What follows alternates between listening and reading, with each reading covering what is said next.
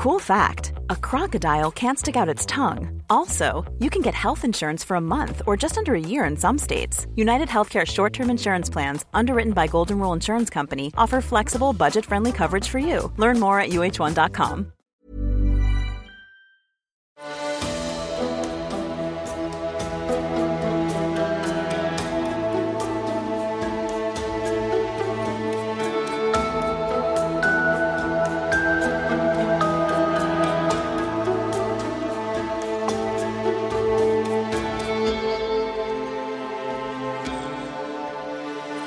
Velkommen til Seriemorderpodden, podkasten dedikert til seriemordere.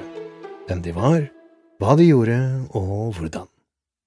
Jeg heter Thomas Rosseland Wiborg Tune, og i kveld, kjære lytter, tar vi for oss en ny saga om en seriemorder. Også denne gang bringer jeg dere en morder som kanskje ikke så mange har hørt om. Da jeg begynte å lage podkast om seriemordere, på engelsk, for syv år siden, trodde jeg at det kun fantes noen få seriemordere i verden, og at disse stort sett var ganske berømte. Men erfaring har lært meg at det finnes svært, svært mange seriemordere, og det er kun et fåtall som lever evig i medienes søkelys.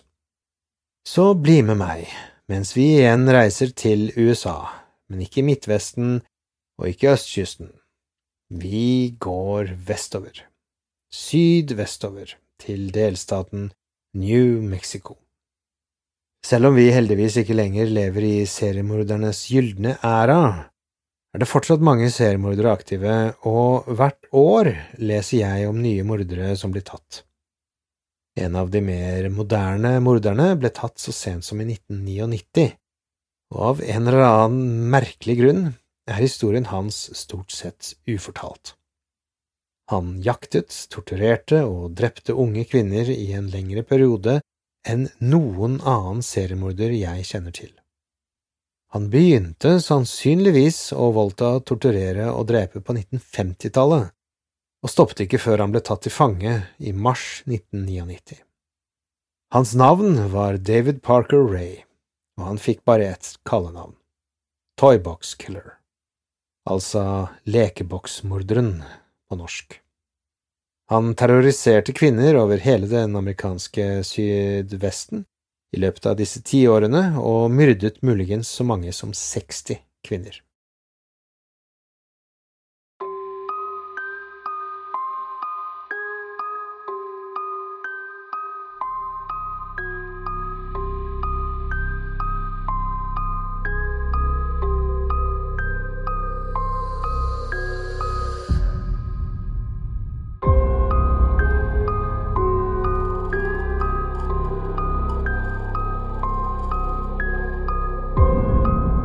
David Parker Ray ble født 6. november 1939 i Belen, New Mexico. David hadde, som mange andre seriemordere, ikke en lykkelig barndom. Han vokste ikke opp med foreldrene, men bestefaren. De få øyeblikkene han tilbrakte med faren, ble brukt til fysisk misbruk. Som barn og i ungdomsårene slet han med alvorlig akne og pinlig oppførsel, spesielt rundt jenter. Fullt utvokst stod han ca 190 cm høy med en stiv kropp og et ansikt full av akne arr. Til tross for dette ble han ansett som en kjekk ungdom, men oppførselen hans førte til at han nådeløst ble mobbet og isolert av jevnaldrende. For mine lojale lyttere vil dette nok høres ut som en repetisjon. Svært mange seriemordere ble mobbet i ungdommen, og jeg synes det er avskyelig at ungdom i dag opplever like mye mobbing og isolasjon som for noen tiår siden. De fagre ordene vi hører fra politikere og pedagoger om at det er nulltoleranse for mobbing og at det pågår en krig mot mobbing, er det reneste sludder. Fremveksten av sosiale medier har medført en eksplosjon av kanskje den verste formen for mobbing, nemlig sosial isolering og utstøting. Jeg sitter ikke med fasitsvarene på dette ekstremt alvorlige samfunnsproblemet, men når et barn i årevis blir utsatt for slikt hat, ydmykelse og isolasjon, kan det ofte ødelegge sinnet deres, kanskje til og med frigjøre ellers sovende psykopatiske personlighetstrekk. Det være sagt, så er det selvsagt ikke min intensjon å unnskylde seriemordere som ble mobbet i barndommen. Og skal vi dømme ut ifra David Parker Rays handlinger, hvorav mange han stolt innrømmet, hadde ikke han bare noen psykopatiske trekk. Han var en vaskeekte seksualsadistisk psykopat. David fikk aldri høyere utdanning og forlot Mountaineer gymnas i 1957 med stort sett de laveste karakterene en kunne få. Kunne ikke finne noen liste over hans IQ, han ble sannsynligvis aldri offisielt testet. Men hvis man dømmer ut ifra de dårlige karakterene hans og det faktum at han droppet ut av skolen for å fortsette som en mindre vellykket mekaniker, er det nok trygt å si at David Parker Ray ikke var en veldig intelligent mann. Spesielt ikke sammenlignet med seriemordere som Ted Bundy, Edmund Kemper eller det sertifiserte geniet Carol Edward Cole. Etter endt utdanning begynte David i den amerikanske hæren og ble sendt utenlands til Korea og tjente som hærmekaniker og reparatør. I hæren lærte han også det han tenkte på som sin mest verdifulle ferdighet, hvordan skade andre mennesker. David hadde vært veldig sjenert rundt jenter i ungdommen, men oppholdet i hæren ser ut til å ha kurert ham for disse tendensene. Etter at han kom hjem til USA i 1963, giftet han seg raskt, ikke én gang, ikke to ganger, men tre ganger, alt før han var 30 år gammel. Det første ekteskapet tok slutt etter bare ett år, og det andre etter bare tre måneder. Ekteskapene hans gav tre barn, en datter og to gutter, hvorav en, David Ray, oppkalte etter seg selv. Senere, da David Ray senior satt i fengsel, ble han spurt om forholdet til sønnen, hvortil han humret og sa, og jeg siterer, Min uh, sønn og jeg har ikke så mye til felles. Han er en fundamentalistisk kristen, og han liker ikke å feste. Sitat slutt. Den yngre sønnen kalte han Ron, og ifølge ham mishandlet David Ray aldri barna sine, og var ifølge ham en ganske myk og mild pappa. På begynnelsen av 1970-tallet tok David familien til Texas, før han flyttet til Oklahoma i 1975 i to år før han flyttet igjen. Et mønster hadde da begynt å dukke opp. Han ble aldri lenge på ett sted, og vi vil sannsynligvis aldri vite om dette var på grunn av at han flyttet bort fra de forskjellige mordåstedene, eller om han rett og slett alltid var på utkikk etter nye karrieremuligheter. De fleste av jobbene hans hadde en midlertidig karakter og innebar mye reising. Dette tillot ham frihet fra familien og frihet til å jakte.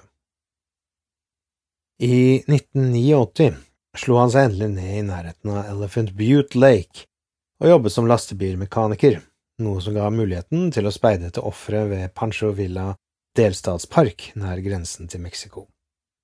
Her følte han seg trygg og komfortabel. Det tørre og varme landskapet passet hans behov, omtrent på samme måte som det passer de lokale klapperslangene. Og så var det, mens vi spoler frem til den kjølige ettermiddagen 22. mars 1999, at Cindy Vigil, 22 år gammel, løp ned den trange gangen og ut av døren til bobilen i ørkenen, på flukt for livet. Det var sent, og hun ante ikke hvor hun var, at hun faktisk løp nedover Bass Road i Elephant Butte, New Mexico. Hun visste bare at hun måtte komme seg vekk fra de to personene som hadde kidnappet og torturert henne de siste tre forferdelige nettene og dagene.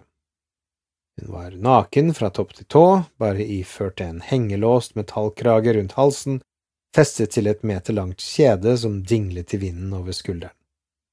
Som dessverre mer og mer er normen i det moderne samfunnet, så det ut til at ingen brydde seg om å hjelpe denne unge kvinnen.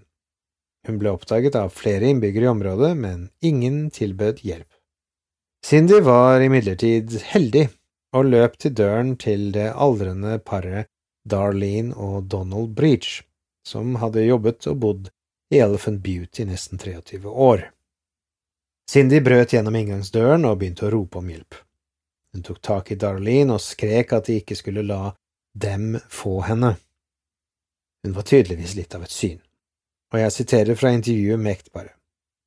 Håndleddene hennes så ut som hamburgerkjøtt, hun hadde vakkert, langt, brunt hår, og det hele var tilgriset med blod. Hun var skitten over det hele, og det så ut som hun hadde bæsjet på seg. De stakkars små brystene hennes var svarte og blå, og det var blåmerker over begge armene og bena hennes. Sitat slutt. Cindy fortalte historien om hvordan hun hadde grepet en sjanse for liv og frihet da David Parker Ray hadde forlatt morgenen den tredje dagen av hennes fangenskap og forlot kjæresten sin Hendy for å våke over fangen sin. Cindy klarte å gripe en ishakke og stakk Hendy i nakken før hun hoppet ut av et vindu og løp til frihet. If you're looking for plump lips that last, you need to know about Juvederm lip fillers. With Juvederm Volbella XC and Juvederm Ultra XC, your lip look, whether it's subtle or bold, can last up to one full year with optimal treatment and no additional maintenance. Find a licensed specialist and see if it's right for you at juvederm.com today. That's J U V E D E R M.com. Add fullness to lips in adults over 21 with Juvederm Volbella XC or Juvederm Ultra XC. Do not use if you have severe allergies or a history of severe allergic reactions, or if you're allergic to lidocaine or the proteins used in Juvederm. Tell your doctor if you have a history of scarring or taking medicines that decrease the body's immune response or that can prolong bleeding. Common side effects include injection site redness, swelling, pain, tenderness, firmness, lumps, bumps, bruising, discoloration, or itching. As with all fillers, there's a rare risk of unintentional injection into a blood vessel, which can cause vision abnormalities, blindness, stroke, temporary scabs, or scarring. For full important safety information, visit juvederm.com. Hiring for your small business? If you're not looking for professionals on LinkedIn, you're looking in the wrong place. That's like looking for your car keys in a fish tank. LinkedIn helps you hire professionals you can't find anywhere else, even those who aren't actively searching for a new job but might be open to the perfect role. In a given month, over 70% of LinkedIn users don't even visit other leading job sites. So start looking in the right place. With LinkedIn, you can hire professionals like a professional. Post your free job on linkedin.com slash people today. David Parker Ray-saken ble snart nasjonale nyheter da rapporter om bobilen hans med et ekte torturkammer kom frem. Kausjonen ble satt til én million dollar i kontanter, som verken David eller kjæresten hans Handy var i nærheten av å ha råd til. Men det som først så ut til å være et tilfelle av en enkelt kidnapping i et skreddersydd SOM-kammer, avslørte seg snart som den sanne redselen det virkelig var, da etterforskerne begynte å grave rundt på Ray-eiendommen. De fant snufffilmer, altså videoopptak av kvinner som ble myrdet, og lydbånd med David Parker Rays stemme som hånet og skremte ofrene. Torturkammeret var fylt med instrumenter, som det var tatt rett fra en skrekkfilm. Angelique Montano var en 27 år gammel kvinne som levde et hardt liv. Hun hadde flyttet fra storbyen til Sannhet eller konsekvenser, altså Truth or Consequence, i New Mexico, for å få livet tilbake på rett spor etter nesten å ha dødd av metamfetaminmisbruk. Og ja, byen heter faktisk dette, tro det eller ei. Hun hadde en liten fem år gammel sønn, Abel, å ta seg av, og hun levde av velferdsmidler og kjæresten, Frank Zambrano. Hennes historie, først fortalt i sin helhet til avisen Globe, følger her, med hennes egne ord. Marerittet begynte dagen jeg bestemte meg for å bake en kake til kjæresten min, Frank Zambrano, som bor sammen med meg og gutten min, Abel. Jeg kjente Cindy Hendy vagt gjennom en venninne, og hun hadde tilbudt meg å gi meg en kakeblanding og ingredienser til glasur. Jeg reiste med henne til en hvitbrun bobil. David, som jeg aldri hadde møtt, gjemte seg inne. Han satte en kniv mot strupen min og sa at jeg ble bortført. De satte meg på en seng, og Hendy ba meg bare slappe av, så ville alt ordne seg. David forlot rommet og kom tilbake med en stor kniv. Jeg tryglet ham og sa at jeg ville hjem, og at den lille gutten min Abel trengte meg. Han slo meg ondskapsfullt. Slagene og skjelvingene av redsel rystet hele kroppen min. Jeg innså at dette ikke bare var et merkelig spill, og livet mitt var i alvorlig fare. Jeg er nesten blind etter en tidligere skade, men jeg kunne se kniven mot strupen min, og Hendy pekte en pistol mot meg. David rev klærne av meg, de bandt meg naken til sengen med lenker rundt anklene. De låste også en metallkrage rundt halsen min og fortalte meg følgende. Velkommen til ditt verste mareritt. Hvis du noen gang har våknet og skriker om natten, er vi menneskene du drømte om. På en TV foran meg spilte de en video som viste torturrommet deres og ting de hadde gjort mot andre.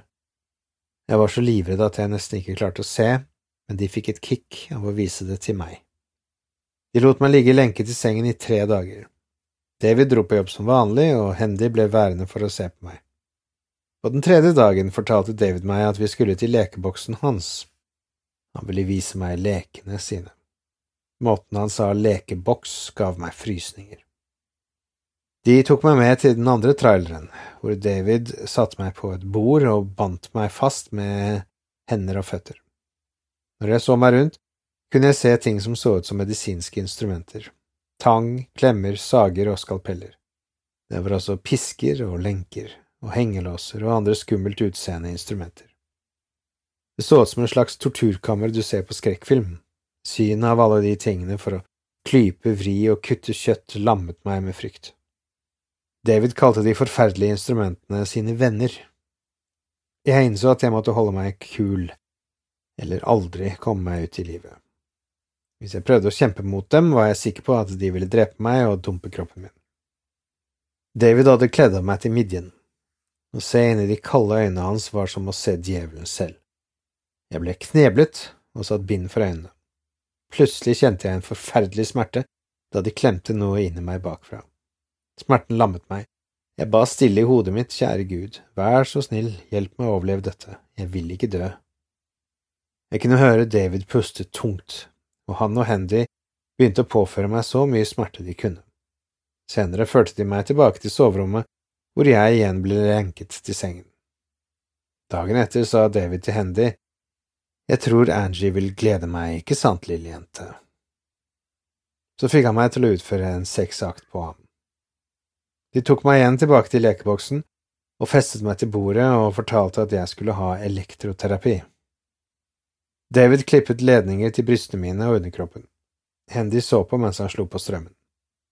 Det var som en brennende ild som raste gjennom kroppen min, og jeg trodde jeg holdt på å dø, og at jeg aldri skulle få se sønnen min eller kjæresten min igjen. Gjennom smertene mine kunne jeg høre David og Hendy lage stønnende lyder mens de så meg lide. Jeg prøvde å skrike, men kneblet i munnen hindret meg i å lage en lyd. Torturen varte i minst en time, men det føltes som den aldri skulle ta slutt. Jeg skalv som et løv da de førte meg tilbake til sengen og lenket meg igjen som en hund. På den femte dagen dro Cindy Hendy ut for å shoppe. Etterlatt alene begynte jeg å tenke på hvor øvet disse to djevlene var på det de gjorde. De hadde sikkert gjort dette mange ganger før, mot utallige andre kvinner og jeg visste at jeg måtte stole på gateteften min for å overleve. Mens jeg var lenket i sofaen, naken og gråtende, sa jeg til David Parker Ray. David, kom hit og sett deg ved siden av meg, jeg føler meg så nedstemt. Kom og hold meg, vær så snill. David satte seg ved siden av meg og fortalte meg at han likte meg og syntes jeg var en hyggelig person. Han sa, Hvis jeg hadde visst hvor hyggelig og søt du var, tror jeg vi kunne vært venner. Jeg kunne nesten ikke tro at planen min fungerte. I en oppriktig tone fortalte jeg ham at det ikke var for sent, vi kunne fortsatt være venner, og at jeg aldri ville fortalt noen om hva han hadde gjort. På en eller annen måte overbeviste jeg ham om å la meg gå. Da Hendy kom tilbake, var hun ikke like glad for det, men hun var ikke sjefen i den husstanden, og etter at David satte skapet på plass, var hun enig med ham. Jeg lovet å reise til Albuquerque, over 20 mil unna, og ikke komme tilbake. De tok meg med i bilen sin og satte meg av på I25. Sitat Slutt. Den 21. februar 1999, iført de samme klærne hun hadde på seg fem dager tidligere, stakk hun ut tommelen og prøvde å få en tur tilbake til hjemmet sitt i byen Sannhet eller konsekvenser. Truth or consequence. Etter et par timer, og uten mye hell, klarte hun å stoppe en sheriff fra Los Lunas kommune. Hun fortalte hele historien sin til betjenten da han kjørte henne tilbake til hennes kjæreste og unge sønn. Han tvilte på at hun fortalte sannheten, og beretningen hennes ble ikke rapportert til Sierra County sheriffkontor. En måned senere, etter at betjenten så David Parker Ray-etterforskningen på TV, angret han på feilen sin, og hvis han hadde trodd på Angies historie, kunne muligens ett eller flere liv vært reddet. Angie hadde veldig rett i sin vurdering av at David og hans kone var rutinerte i deres tortur- og kidnappingsmåter. Myndighetene mistenkte at David hadde bortført, voldtatt, torturert og ofte drept unge kvinner siden han kom tilbake fra Korea i 1963, og det inkluderer ikke eventuelle ofre han kunne ha tatt mens han var stasjonert i utlandet. Det er ikke uhørt at en amerikansk tjenestemann blir anklaget for voldtekt og seksuell overgrep mens han tjenestegjør i utlandet. Ved å dømme ut ifra Davids glupske seksuelle appetitt og hvordan koreanske prostituerte var lett tilgjengelig for amerikanske tropper, ville det ikke overraske meg om han begynte å finpusse drapsferdighetene sine mens han var i uniform. Problemet for rettshåndhevelse i David Parker Ray-saken var lik. Som Angelique var et typisk eksempel på, lot David også ofte ofrene sine gå, selv om de sjelden var i så god form som hun var i, og han holdt ofte fangene sine neddopet og beruset i en slik grad at de ikke klarte å finne hvor de hadde vært, hva de hadde vært utsatt for, og hvem som hadde gjort det. De gangene han faktisk drepte, er ørkenen et av de mest effektive stedene for å bli kvitt lik. Ørkenen er enorm og dermed nesten umulig å gjennomføre noe effektivt søk i, med mindre du vet hvor du skal lete. Også lokale åtseldyr og annet kryp vil raskt sluke rester som er utelatt i det fri, noe som gjør identifikasjon nærmest umulig. Et annet problem var måten lokalt politi så på de fleste av Davids ofre. Ofte var de prostituerte eller rusmisbrukere, og politiet hadde liten eller ingen tillit til det de sa. I David Parker Rays tilfelle ble imidlertid FBI raskt involvert, og de er langt mer erfarne i å håndtere seriemordere enn lokal rettshåndhevelse. When you make decisions for your company, you look for the no-brainers. And if you have a lot of mailing to do, stamps.com is the ultimate no-brainer. It streamlines your processes to make your business more efficient, which makes you less busy. Mail checks, invoices, legal documents, and everything you need to keep your business running with Stamps.com. Seamlessly connect with every major marketplace and shopping cart. Schedule package pickups and see your cheapest and fastest shipping options from different carriers. With rates up to 89% off USPS and UPS rates. And with the Stamps.com mobile app, you can take care of mailing and shipping wherever you are. Make the same no-brainer decision as over 1 million other businesses with stamps.com. Sign up with code program for a 4-week trial plus free postage and a free digital scale. No long-term commitments or contracts. That's stamps.com. Code program.